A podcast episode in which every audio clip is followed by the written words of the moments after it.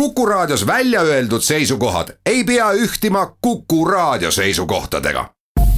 Te kuulate Kuku Raadiot. aga nüüd ütleme tere tulemast saatesse, Urmas Paet. tere päevast ja ilusaid jõulupühi ja aasta lõppu kõigile suur rõõm, Urmas, et leidsite mahti ja aega tulla. me leppisime kokku, et räägime siis ja vaatame tagasi nüüd lõppevale aastale, mis oli tõepoolest hästi kirev, hästi sündmusterohke jäin mõtlema õnneks, et äh, vist ei ole meil põhjust rääkida väga suuremahulistest ja väga suurte inimkaotuste arvuga sõdadest. tegelikult unustame nüüd ära selle, sest et Ukrainas on pidevalt midagi podisenud ja igapäevaselt hukkub seal tegelikult Ukraina rindemehi joonel, sõltumata sellest, kas Normandia nelik saab kokku või mitte võtamegi Ukraina sihikuks, Ukraina sai endale sel aastal uue presidendi. paljud ütlevad, et ta on küll ühe oligarhi Kolomoiski nii-öelda käpik, ta ise lükkab seda tagasi, ta vähemasti väga püüab olla kõigi Ukraina president, tuua rahu vähemasti joonele, seda ta ei ole lubanud, et ta Krimmi toob oma maale tagasi. kas Ukrainal on lootust? noh, lootust eh, eriti praegusel ajal peab, peab olema igal pool ja, ja kõigi jaoks ja kindlasti ka Ukraina jaoks seda on eh, aga muidugi ka uuel presidendil ja ka uuel parlamendi koosseisus, sest eh, ka uus parlament valiti Ukrainas lõppeval aastal et nende ees muidugi on väga keerulised ülesanded. kõige raskem ongi see, kuidas ikkagi taastada siis kontroll oma riigi üle. Donbass, Ida-Ukraina, et kuidas saavutada kontroll selle üle, et nad oma riigipiiri kontrolliksid Venemaaga. noh, Krimmi küsimus, kus kahjuks arengud liiguvad pigem halvemuse suunas, noh ka värske näide sellest, kuidas siis suure pidulikkusega Venemaa avas raudteeühenduse otse Krimmi siis Venemaalt aga muidugi ka teemad, mis ei ole võib-olla otseselt seotud selle Vene-poolse agressiooniga ehk ikkagi jätkuv lugu korruptsioonivastase võitlusega majanduskasvuga, majandusvabadusega Ukrainas, nii et ka selle poole pealt ikkagi veel ei ole selles suures riigis ju asjad väga kiita. nii et teha on palju, aga noh, see nõuab ikkagi väga suurt poliitilist tahet. see nõuab seda, et see ühiskond ja ennekõike selle poliitilised tipud ikkagi suudavad noh, senisest märksa enam nagu koos tegutseda. Ja võib-olla jätta jah, seal ka siis piirkondlike tegelaste või oligarhide nii-öelda ärihuvid tagaplaanile kusagil seal keskel ja seal keskelt on väga tänuväärset tööd teinud Jaanus Piirsalu, vahendades neid lihtsate inimeste lugusid, kes elavad tõepoolest rindejoonel, teinekord ei kellegi maal. pensioni saavad ühest riigist, aga sunnitud on kaupu ostma, kui need on muidugi teisest riigist. on ju inimesed ometigi ja ma ei tea, kas ja kuidas nende peale mõeldakse ja kuidas on näiteks lood rahvusvahelise humanitaarabiga, ehk siis kokkuvõttes. Mis see viimane Normandia neliku kokku kokkusaamine siis nagu tingis, et kas see rahu tuuakse piirkonda ära või siis ikkagi tärisevad suurtükid sealsamas piirkonnas, sõltumata sellest, kes kokku sai ja mida lubas? nojah, et seda vaadati väga suurte lootustega ja optimistlikult, seda viimast kohtumist, sealhulgas ka uue siis Ukraina presidendi ja Vene presidendi kahepoolset kohtumist aga noh, ma isiklikult olen mõnevõrra tagasihoidlikum sellele hinnangute andmises, et kui vaadata, mis siis tegelikult on juhtunud ja võib-olla lähiajal veel juhtub, siis kõige konkreetsem asi on vangide vahetamine. mis muidugi on ka oluline nende konkreetsete inimeste äh, pärast ja nende lähedaste pärast, aga noh, see veel ei tekita olemuslikku muudatust selle sõja lahendamises, selle konflikti lahendamises ja noh, nagu ikka sellistel juhtudel muidugi kõige rohkem ikkagi kannatavad reaalsed inimesed, kelle kodukandis, kelle piirkonnas äh, see kõik juhtub. et äh, enam väga ei räägita ju sellest, aga need inimesed ei ole kuhugi kadunud, et jätkuvalt on ju miljon inimest, kes sellest piirkonnast on siis kas Ukraina sisepõgenikena lahkunud teistesse Ukraina osadesse või, või läinud ka välismaale, aga noh, igal juhul nad oma kodupiirkonnas enam ei ela. ja neid on miljon, neid inimesi, noh lisaks muidugi see igapäevane vaesus ja, ja kannatus ja ka nii-öelda oht surma saada sealses piirkonnas, see kõik säilib, nii et niikaua kui see konflikt, see sõda ei ole lahendust leidnud, nii kaua loomulikult inimesed seal kohapeal kannatavad ja noh, tegelikult ju kannatab kogu ühiskond. ja nii on ka kõigi teiste konfliktidega, et, et, et noh, kahjuks näiteks seesama Süüria sõda ka siin praegu aasta lõpul ikkagi läheb jälle täie hooga edasi ja on suured inimohvrid jälle ja, ja uued põgenike hulgad liiguvad, nii et neid äh, hädasid siin Euroopa vahetus naabruses või Euroopas endaski Ukraina näol kahjuks on küll ja veel.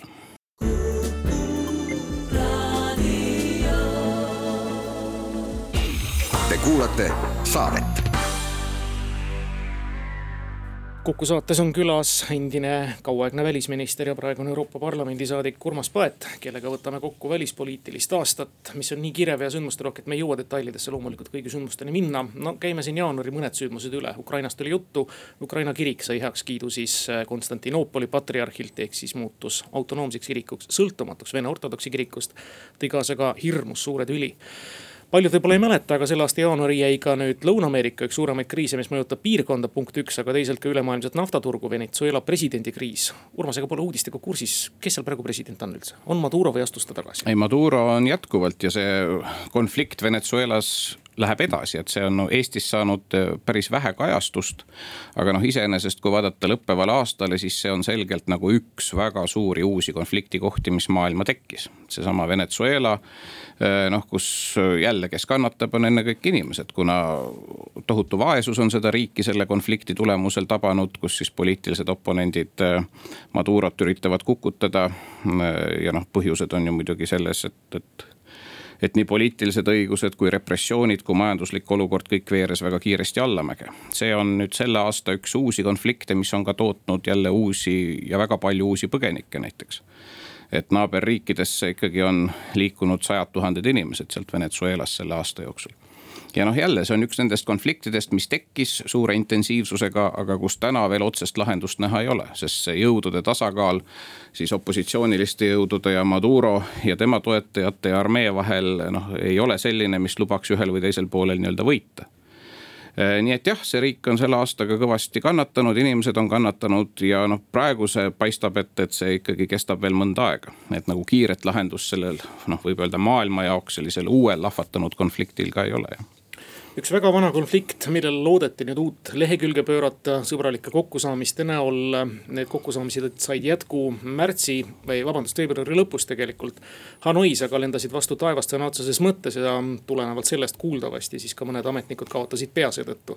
jutt käib siis Donald Trumpi ja Kim Jong-uni teisest kohtumisest Vietnamis, mis mitte mingisuguse tulemuseni ei toonud. jätkuvalt me loeme mingitest uutest tuumakatsetustest, raketiprogrammidest ja Donald Trumpil on kodumaal küllalt iseenda ja enda parlamendiga tegemist jah, kogu see Põhja-Korea lugu on ka üks selliseid selgeid negatiivse märgiga arenguid, sest äh, kogu maailm pani suured lootused Trumpile ja Ameerika Ühendriikidele, kes siis suure aplombiga ju neid kahepoolseid kohtumisi Põhja-Koreaga alustas. Need ei ole viinud mitte millenigi ja, ja tegelikult isegi andnud selles mõttes veel negatiivse hoovuse sinna juurde.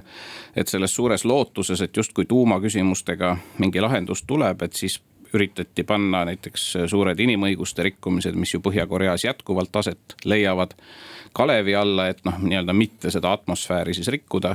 nii et noh, tulemuseks on see, et tuumaprogramm jätkub Põhja-Koreal ja samas ka inimõiguste olukord halveneb ja lahendust ei ole ja noh, paistab praegu, et Ühendriikide, sealhulgas Trumpi huvi tõesti selle küsimusega edasi tegeleda on raugenud, kuna noh, ilmselgelt ta lootis, et ta sealt toob mingisuguse kiire lahenduse, noh, mis, mida oli tegelikult ju naiivne arvata, et see nii läheb ja noh, muidugi ei läinudki.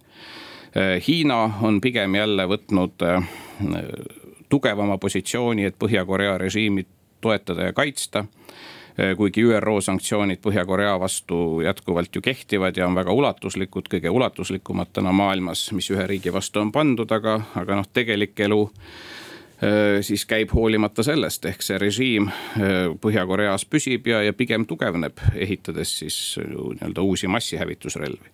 Nii et jah, see on kindlasti üks selline piinlik episood, võib isegi öelda, kus panused pandi justkui ühele kaardile, kuigi oli selge, et, et sealt tegelikult ei saa mingisugust suurt läbimurret tulla, sest eks selle tuumarelva programm ju jätkuvalt on Põhja-Korea praegusele režiimile selline põhiline ellujäämisgarantii ja, ja noh, see olukord ei ole ju muutunud tuleme koju, kuivõrd nende valikute juurde, milles said ka eestimaalased kaasa lüüa ja mis Urmas Paet andis teile uue mandaadi siis Euroopa Parlamendi saadikuna. Euroopa Parlament kogunes, Euroopa Komisjon pärast mõningaid probleeme käivitumisel, sai ka tööd alustada Ursula von der Leyeni, kaheksa lapse ema, ma ikka rõhutan seda. presidendi juhtimisel ja teile ka saadikutele pandi üheks suureks-suureks eesmärgiks suur roheline kuusk, ehk siis põhimõtteliselt kliimaprobleemid, millega te peate need kaheksasaja pluss kesi mm, tegelema hakkama. mõte on õige, ehkki siin-seal on ikkagi kõnelda võetud selle programmi elluviimise noh, süsinikneutraalne Euroopa aastaks kaks tuhat viiskümmend väga kallidusest ja ei ole ka väga paljud kindlad, et kas tegeletakse õige asjaga ja kas see on ikkagi inimkäte töö see, et planeet nõnda kuumeneb jah, uus Euroopa Komisjon on ametis pärast äh, kevadisi Euroopa Parlamendi valimisi ja, ja õige ta on, et uus komisjon ühe olulise eesmärgina näeb kogu keskkonnapoliitika senisest jõulisemaks kujundamist ja, ja kliimapoliitikat. ja see on kallis. Äh, ja tegelikult jäme ots jätkuvalt Euroopa Liidus äh, nende mõtete teostamiseks on hoopis liikmesriikide käes. Sest rahakott on suuresti liikmesriikide käes, ehk kui palju Euroopa Liidu riigid on valmis panustama ja ka tegema neid reaalseid muudatusi siis omaenda energiasüsteemides ja, ja muudes majandusharudes. noh, see ei sõltu niivõrd Euroopa Komisjonist, kuivõrd see ikkagi sõltub konkreetsetest riikidest ja, ja noh, muidugi suures pildis on ka oluline see, mida teeb äh, kogu maailm, mida teevad teised suured reostajad maailmas. et noh, see on ju täna siiski vaieldamatu, et äh, et kliimamuutuste tagajärjel äh, suured keskkonnaalased muutused äh, toimuvad ka siinsamas meie lähedal Arktikas, kus on väga kiire jää sulamine näiteks ja toob endaga kaasa ka riikide käitumises muutusi ja uusi riske. või vaatame Kagu-Aasiat, kus tegelikult võib öelda, et on kohati juba katastroofi mõõtmetega need muudatused. Aafrika ja nii edasi ja sellel kõigel on ju tagajärjed, sellel kõigel on tagajärjed ka Euroopale, Euroopa julgeolekule Äh, mitmes aspektis, nii et selles mõttes mitte tegeleda äh, kindlasti sellega enam ei saa, aga kui hästi need plaanid, mida siis ka uus Euroopa Komisjon ja tema president välja pakuvad, õnnestuvad, sõltub lõpuks ikkagi Euroopa puhul siis Euroopa nii-öelda riikide valmisolekust, tahtest ja ka rahakotist eelmise aasta või lõppeva aasta kahekümne üheksandaks jaanuariks pidi aset leidma Brexit, mida aset ei leidnud. see kolm aastat väldanud tõesti hästi suur saaga, mis viis nüüd ametist kaks Briti peaministrit, on nüüdseks toonud siis ametisse kolmanda, kes on saanud oma rahvalt ka mandaadi see Brexit lõpuni viia. kolmekümne esimesel saab see teoks no praegu jah, kehtib kuupäev kolmkümmend üks jaanuar, millal siis äh, Suurbritannia Euroopa Liidust peaks lahkuma noh, on veel üks väike teoreetiline võimalus, et kui kõigi ettevalmistustega, mis siis on, ütleme sellist poliitilist, tehnilist laadi ei jõuta valmis, et siis küsitakse veel mingit väikest ajapikendust, kuigi vaadates jah, viimaseid parlamendivalimiste tulemusi Suurbritannias ilmselt see suur poliitiline vastasseis Brexiti teemal on nüüd maas, sest noh, reaalsus on see, et äh, Johnsoni parteil on niivõrd suur enamus Briti parlamendis, et, et nad suudavad äh, sel teemal nüüd lõpuks seal otsustada siis mida iganes.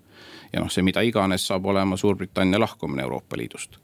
millele siis järgneb, kui see samm astutakse, noh praeguse tõenäosuse järgi siiski ilmselt ikkagi jaanuari lõpus noh, siis äh, nii-öelda hakkab tulema mustmiljon praktilist asja, et kuidas siis see tegelik koostöö ülejäänud Euroopa Liiduga või nii-öelda Euroopa Liiduga ja siis Suurbritanniaga toimuma hakkab. ja seal on väga palju praktilisi asju, mis ju tahavad tegelikult lahendamist. ja noh, brittide jaoks muidugi, kui majandusest ja kaubandusest rääkides, võtmekoht on ikkagi see, milline suhe hakkab olema Euroopa Liidu ühisturuga. ja kas ja kui kiiresti suudetakse saavutada mingeid paremaid kaubandustingimusi muu maailma suurte riikide ja turgudega. Ameerika Ühendriigid, Hiina, India ja, ja kõik muu Ameerika Ühendriigid hakkavad valmistuma, juba valmistuvad tegelikult tulevaste presidendivalimisteks.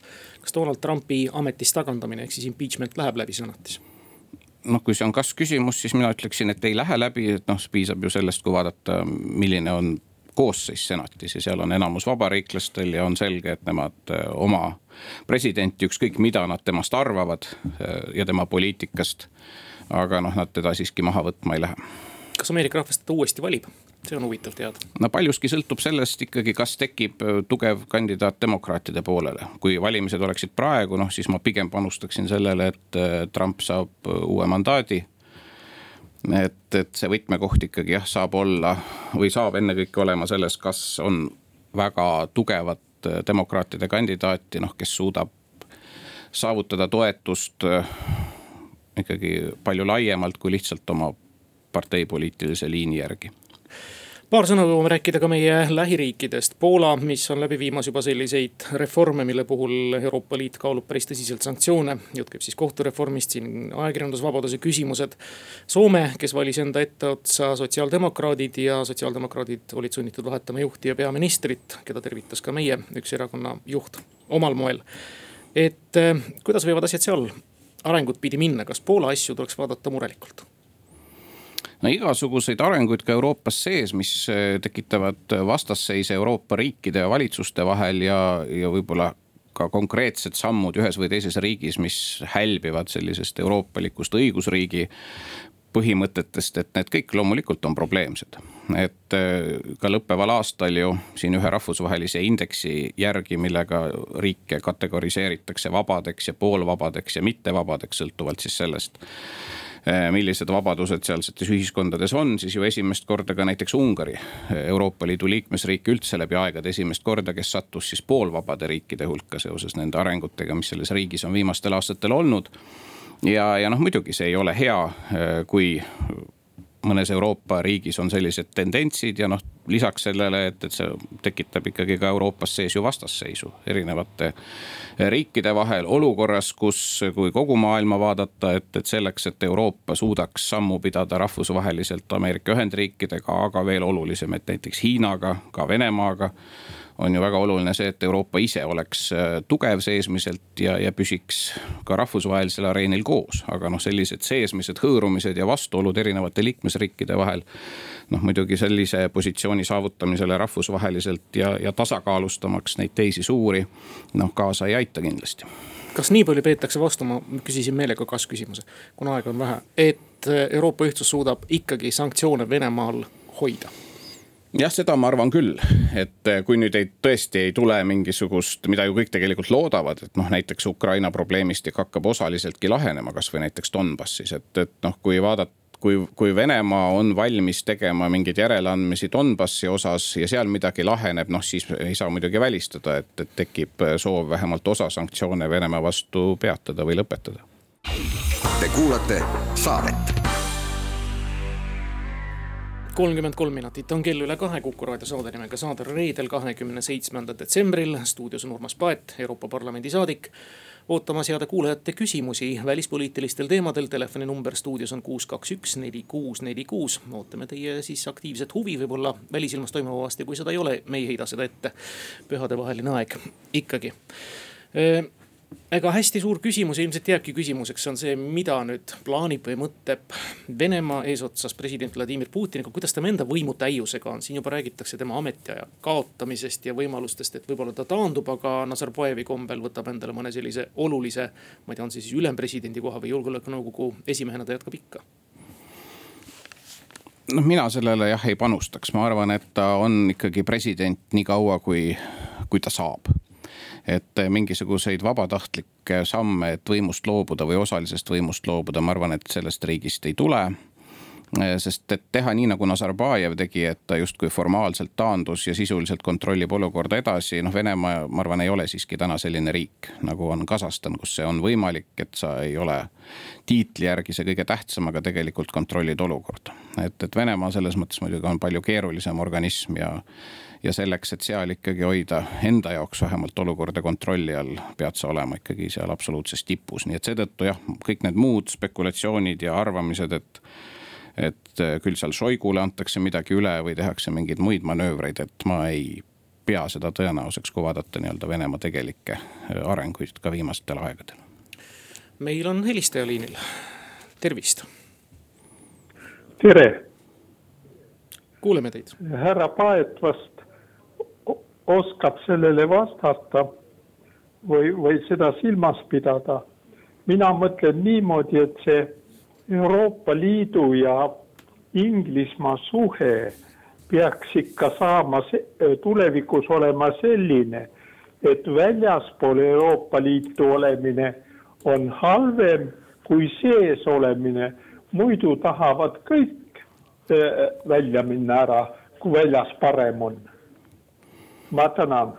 jah, aitäh küsimuse eest ja eks see nii saabki olema, et äh, kõik võimalused, mida Euroopa Liit pakub, ikkagi on olemas ainult oma liikmetele. on see siis täielik ligipääs Euroopa ühisturule, kõikvõimalikele programmidele, ühtsele välis- ja julgeolekupoliitikale, millele iganes. nii et nii see on, et kui vaadata tänast seisu Euroopa Liidu ja siis lähemate partnerite vahel, et siis kõige lähemal või kõige lähemad partnerid on näiteks Norra ja, ja Island.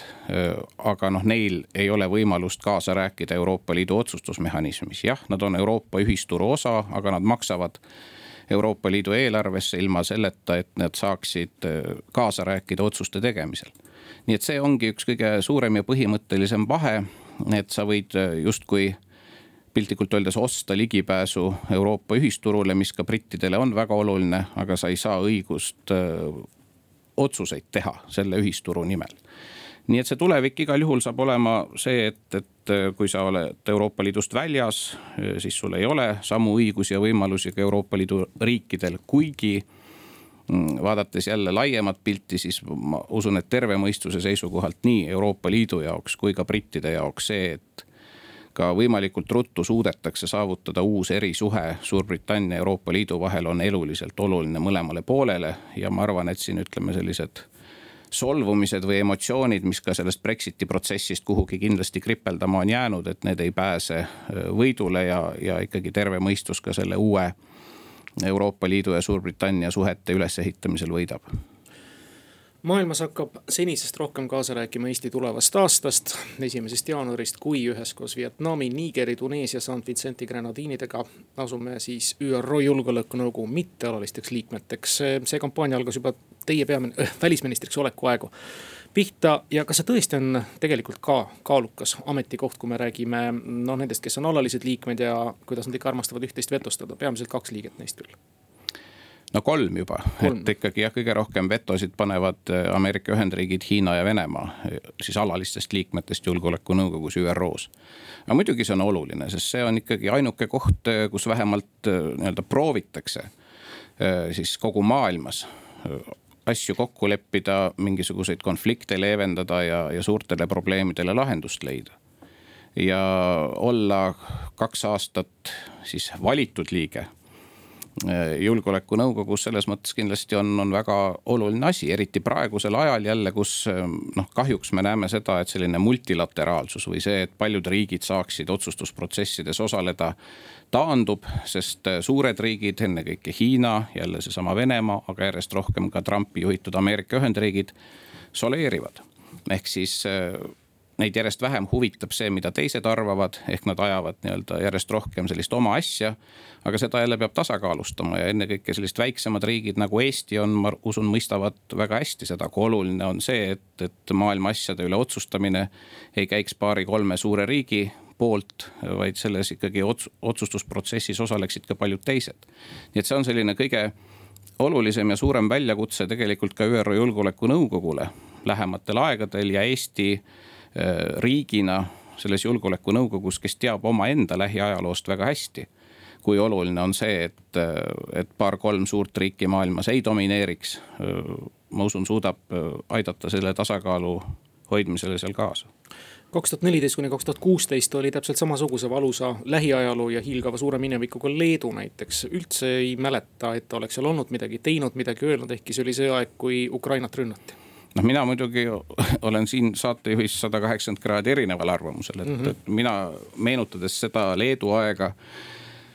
ÜRO Julgeolekunõukogus ikkagi väga selgelt olen veendunud, et seesama, et Ukraina sündmused said nii tõsise tähelepanu ka ÜRO Julgeolekunõukogus, see paljuski oli ka Leedu teene. et Leedu just kaks tuhat neliteist, kui see konflikt puhkes, kui veel paljud ka lääneriigid ei tajunud võib-olla kogu selle asja tõsidust ka ÜRO Julgeolekunõukogus oli väga aktiivne, et, et seda teemat noh, lisaks Euroopa Liidule, lisaks Euroopa asjadele ka seal ja ikkagi päevakorda panna ja seda seal hoida. nii et, et selles mõttes noh, ma olen täiesti veendunud, et see on tegelikult vastupidine näide, et Leedu näide julgeolekunõukogus kaks aastat on olnud just väga hea selles osas, et mida tegelikult üks suhteliselt väike riik ja esimest korda julgeolekunõukogus olles tegelikult ikkagi suudab teha ju siis ei osanud toona korralikult otsida just nimelt ÜRO Julgeolekunõukogu lehelt neid asju, vaid vaadata mujale. kuus, kaks, üks, neli, kuus, neli, kuus, meenutame, et see on saate osa, kus ka headel kuulajatel on võimalus saatega sekkuda ja rääkida ning küsida Urmas Paeti käest. Arktika Nõukogu liikmena jätkate? no Euroopa Parlamendis jah, Arktikaga ma tegelen, ma olen seal nüüd vast, moodustatud ka Arktika sõprusrühma siis esimees, see on selline mitteformaalne rühm, mis siis koondab neid saadikuid, keda Arktika arengud äh, huvitavad ja neid oluliseks peavad, aga noh, selge, et Arktika arengud äh, on praegu juba nii tuliseks muutunud, et järjest rohkemad riigid ikkagi väga tõsiselt äh, kõiki neid teemasid võtavad, sest seal on julgeoleku dimensioon, seal on navigatsiooni dimensioon, seal on majandushuvid, maavarad, kõik see on seotud kliimamuutuste ja jää sulamisega. nii et äh, mul on hea meel, et, et lõpuks ka Eesti siis on võtnud nüüd ette tee, et taotleda vaatleja staatust Arktika Nõukogus, sest äh, seal juba praegu toimuvad suured ja olulised protsessid, mis ka Eestit mõjutavad, näiteks sellesama navigatsiooni kaudu ja logistika kaudu. aga tulevikus noh, on näha, et, et hakkab veel palju muudki seal juhtuma jah, tahakski küsida, hea küll, me võime natuke naljaga, ehkki see on tõsine lugu, rääkida sellest, kuidas viiskümmend jääkaru lähevad Tšuktšimaale põhimõtteliselt, neil ei ole jää peal kuskil olla ega mingit süüa võtta ja seetõttu nad ohustavad inimesi, see on klimaatiline probleem. aga me kuulame vahepeal helistajat, kes on meil liinile tulnud, tervist. tervist.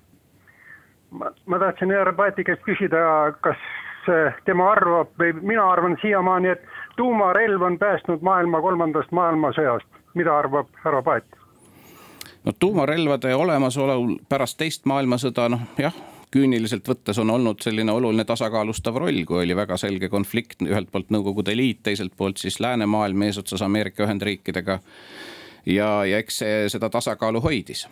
nüüd probleem praeguses ajas on selles, et, et see enam ei ole, ütleme selline kahepoolne tasakaalu hoidmine, vaid tuumarelva siis on kas saanud või üritavad saada ka sellised režiimid, kelle agenda on nii-öelda midagi muud. kui me räägime Iraanist või me räägime Põhja-Koreast või me räägime ka näiteks äh, pingetest India ja Pakistani vahel, mõlemal on tuumarelv. Äh, ja millel ei ole noh, hetkel sellist nii-öelda globaalse tasakaalu hoidmise mõtet, vaid pigem on see seal ka element sellises kohalikus piirkondlikus Kashmiri konfliktis.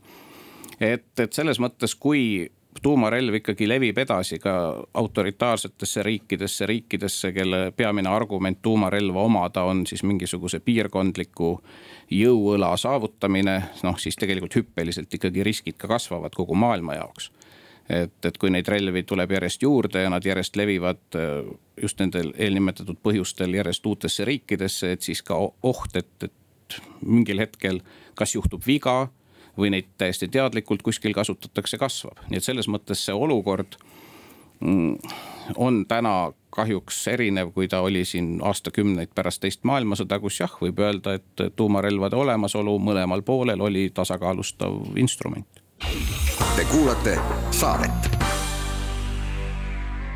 nelikümmend kuus ja pool minutit on kell üle kahe, stuudios on Urmas Paet, Euroopa Parlamendi liige. mul oli ennem üks jääkarudega seotud küsimus, see oli tõsine klimaatiline probleem, mis siis ajas jääkarud suures näljas ühte Tšuktšimaa külla ja neid oli viiskümmend tegelikult. aga kui me räägime majanduslikest äh, nii-öelda aspektidest, see, et on Kirdeväljast leitud ja saadud juba selline igati läbitav, väga kiire, oluline kaubatee, see pakub palju rõõmu Hiinale ja Venemaale. aga millal me näeme seda, kui näeme, et läheb tõesti sõda lahti juba siin, ma ei tea, kas Franz Josefi maa pärast, erinevate nafta nii-öelda leiukohtade pärast ja reaalselt Arktika pärast ja mõju, mõjusfääris no see risk kasvab iga päevaga, kui jää taganeb ja ligipääs uutele maavara leiukohtadele tekib.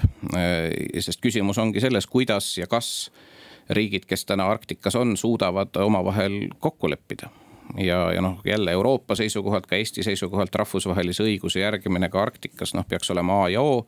aga noh, paraku maailm on kohati teistsugune, et Venemaa siin kümmekond aastat tagasi juba läks ja sukeldus põhjanabale, pannes Vene lipu seal vee all püsti, mis küll ei tähenda õiguslikult midagi, aga noh, selline poliitiline žest see on. samuti kui vaadata näiteks Venemaa investeeringuid nende arktilisse sõjaväelisse võimekusse, siis see on kiiresti arenenud viimasel kümnel-viieteistkümnel aastal ja noh, küsimus on, miks selliseid suuri investeeringuid teha. et kui Arktika on selline rahulik piirkond. nii et jah, et, et maavaradele ligipääsu saamine, samuti uued navigatsiooniteed on kohad, kus äh, riigid võivad minna tülli ja noh, Arktika ka tegelevad täna ikkagi kõik maailma suured riigid, sealhulgas Hiina, kes täiesti ametlikult on ennast nimetanud nii-öelda Arktika lähedaseks riigiks et siis põhjendada oma huvi Arktika vastu. ja noh, kui vaadata ka seda, et noh, miks näiteks hiinlased siin tunnevad huvi Tallinna-Helsingi vahelise võimaliku tunneli idee vastu, siis noh, eks see põhjus ongi see, et nemad näevad seda võimaliku lülina uues globaalses ühendustees, mis siis peaks tekkima kui Põhja-Jäämerd mööda hakkavad regulaarselt Aasia ja Euroopa vahel laevad ja kaubad liikuma. mis siis jõuavad Põhja-Norrasse ja sealt siis edasi lõunasse läbi Soome tunneli kaudu Soomest Eestisse ja siis Eestist edasi lõunasse. et eh, ei tunne hiinlased Tallinna-Helsingi tunneli vastu huvi sellepärast, et eestlased saaksid kiiremini käia, ma ei tea, IKEA kaubamajas Helsingis või või niisama siin piirkondlikult aega veeta. jah, ega nad sellepärast ka ei ehita Sambiasse näiteks raudteed, selleks, et neil oleks tohutult kahju Aafrika rahvast, kes peab kogu aeg eeslitega liikuma ja me kuulame vahepeal helistajat, tervist. tere. Äh, Slutski Vene riigiduumast väljendas hiljuti soovi piirilepingut käsitleda. Äh, kuidas teie hinnangul Eesti peaks reageerima tundub nagu kohatu nüüd juba Eesti poolt kolmandat korda alustada menetlemist riigiduuma signaali järel, kui pealegi me nüüd teame Mihhail Margelovi kahe tuhande neljateistkümnenda aasta veebruari Tallinna välkvisiidi tagamaid vahetult enne Krimmi annekteerimist ja Karmo Tüüri seisukoht. väga seda, et igasugune leping, mis tehakse riigiga, kes rikub rahvusvahelisi reegleid, on selle riigi legitimeerimine.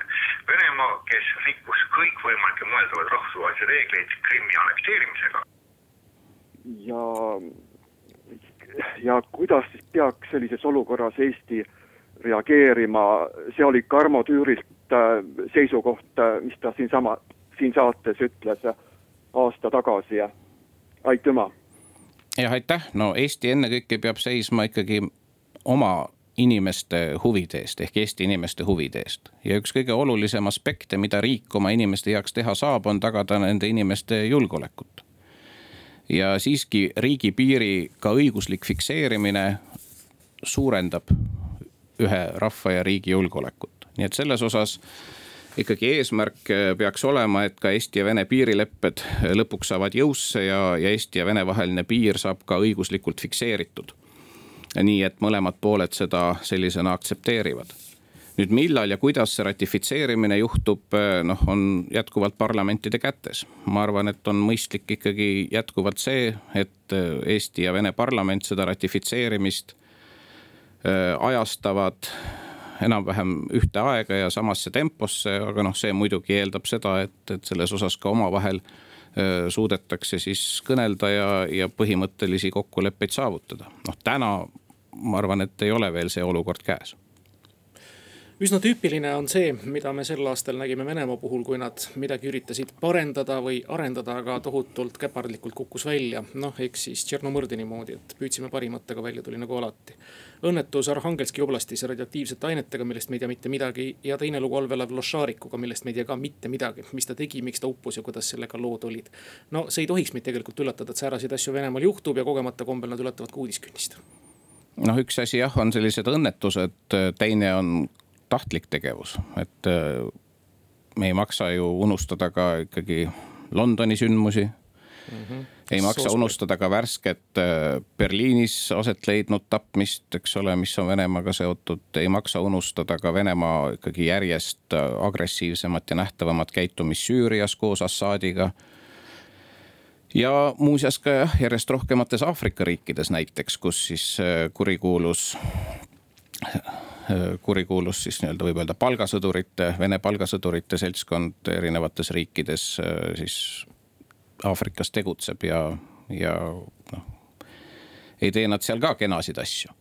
nii et, et selles osas kui ma enne rääkisin sellest, et maailmas on kolm riiki, kes on ÜRO Julgeolekunõukogu alalised liikmed, kes nii-öelda üritavad oma agendat ka teistele peale suruda, noh siis need meetodid on erinevad, aga üks neist muidugi on on jõud ja, ja noh, Venemaa ei ole kõhelnud ikkagi viimased aastad ka rahvusvaheliselt jõudu näidata ka siis, kui see on rahvusvaheliste tavade ja ka õigusega vastuolus. noh, suuremad asjad, seesama Ukraina, millest me rääkisime, ka Süürias sekkumine ja siis ütleme, sellised üksikud juhtumid ja, ja kuriteod nagu, nagu Suurbritannia sündmused ja, ja muu me kuulame vahepeal liinile tulnud helistajat, tervist. tervist. kuuleme teid. aitäh, Urmas Paet, väga asjalik, eks ole, äh, jutt ja tänada ka meie presidenti, hommikul esines Kuku raadios, eks ju, seekord oli väga asjalik esinemine ja ma olen seitsmekümne seitsme protsendi ulatuses äh, temaga äh, rahul. aga küsimus on selles, sellistest küsimustest oleks ka Urmas vaja rääkida, millega meil on võimalik teha. esiteks, eks ju, kas sellel aastal, mis tuleb kaks, kakskümmend, lõpuks saab kell keerata ära, ei ole vaja seda jama, näed Putin, Venemaa president kandis brigaasi ja lõpetati kohe see killakeeramine ka Venemaal ära. Teiseks on Anti merre on terve, terve armaada uputatud neid äh, mürkgaase ja värki. see oleks ka ükskord vaja ära puhastada äh, sellest äh, kõnsast, et kalad mürgitatakse ära. ja kolmas probleem oleks ka, et kas Eestis on selline asi, et terve kristlik maailm pühitab, ka täna on ka püha ja et kas Eesti jõuab ka järgmisel aastal, kui see sinnani välja ja kallist jõulurahu lõppu ja elame veel, elagu Eesti, elagu Urmas Paet no aitäh heade soovide eest ja, ja kõigi nende jõulusoovidega ma muidugi ühinen ka teiega sealt Tartust. Ehm no kõigepealt, mis äh, puudutab tagantpoolt ettepoole tullus, tulles riigipühi, et siis äh, riigipühi otsustab Eestis parlament ehk äh, millised äh, pühad on Eestis nii-öelda vaba päevana tähistatavad, mis mitte, et tõepoolest enamikus Euroopa riikides on on paar-kolm äh, sellist religiooniga seotud tähtpäeva, mida siis ka vabapäevana tähistatakse, mida Eestis ei, ei tähistata sellisel kujul. mis Läänemerd puudutab, siis see on väga tõsine lugu, et, et jah, ekspertide hinnangul ikkagi ju oluline osa Läänemerest ehk umbes kolmandik öeldakse, et on on surnud ja, ja kui sinna jah lisada risk, mis on siis noh, peamiselt teises maailmasõjas merre äh, nii-öelda maetud ka keemiarelvade äh, siis võimaliku reaktsiooni osas, et, et, et muidugi, mida vähem seda potentsiaalset riski meie oma meres siin Läänemeres on, seda parem, nii et, et see kindlasti on ka üks Läänemere äärsete riikide keskkonnaalase koostöö eesmärk, et Läänemeri äh, säiliks ja, ja tema keskkonna olukord paraneks, mis tähendab seda, et kõik, mis sinna merre ei peaks kuuluma, tuleks sealt muidugi üritada kätte saada me ei jõua enam kahjuks ühtegi kuulajakõnet vastu võtta. aitäh kõigile, kes saatega liitusid, oma küsimuse või head soovid teile saatsid. Urmas, ma vahetaks tegelikult kardinaalset teemat, meenutades, et te olete ka suur teatrisõber ja endine kultuuriminister. kaks tuhat üheksateist oli esimene aasta ilma NO teatrit. kas tunnete puudust ka? ja mul on väga kahju, et, et see teater enam Eestis ei tegutse, et, et Äh, noh, ma mõistan konkreetsete inimeste võib-olla väsimust või soovi teha muutust, aga, aga ehk oleks Eestis siiski olnud teisi äh, teatriinimesi, loomeinimesi veel, kes oleks võinud selle rolli võtta üle. et, et kui vaadata ikkagi seda, kui lühikese ajaga ja intensiivselt äh, noh, näiteks NO teater suutis ka rahvusvaheliselt Eesti viia sellise väga professionaalse teatri Eh, pilti, siis see oli väga suur ja, ja tore saavutus ja noh, teine, et ikkagi selline sotsiaalne teater, sotsiaalse närviga teater siinsamas Eesti ühiskonnas. et, et selle NO teatri eksistentsi jooksul oli ju siin mitmeid väga eredaid näiteid, millest osadest räägitakse siiamaani nii et, et ja muidugi ma tunnen puudust ja mul on kahju, et, et see jäi ikkagi noh lühikeseks, jäi lühemaks kui algselt plaanitud, ehk ju plaan oli, et jõutakse üheksakümne üheksast nullini välja etendustega no loodetavasti see auk ühel hetkel ka täitub, meil on head potentsiaali ja materjali. suur tänu, Urmas Paet, pühade vahel Kuku stuudiosse tulemast, kuulajate küsimustele vastamast, soovime edu, jõudu, ilusat aasta lõppu, veel paremat uut. ja täpselt samad soovid kõigile kuulajatele ja muidugi Kuku raadio inimestele, et hoidke ikka lippu kõrgel siin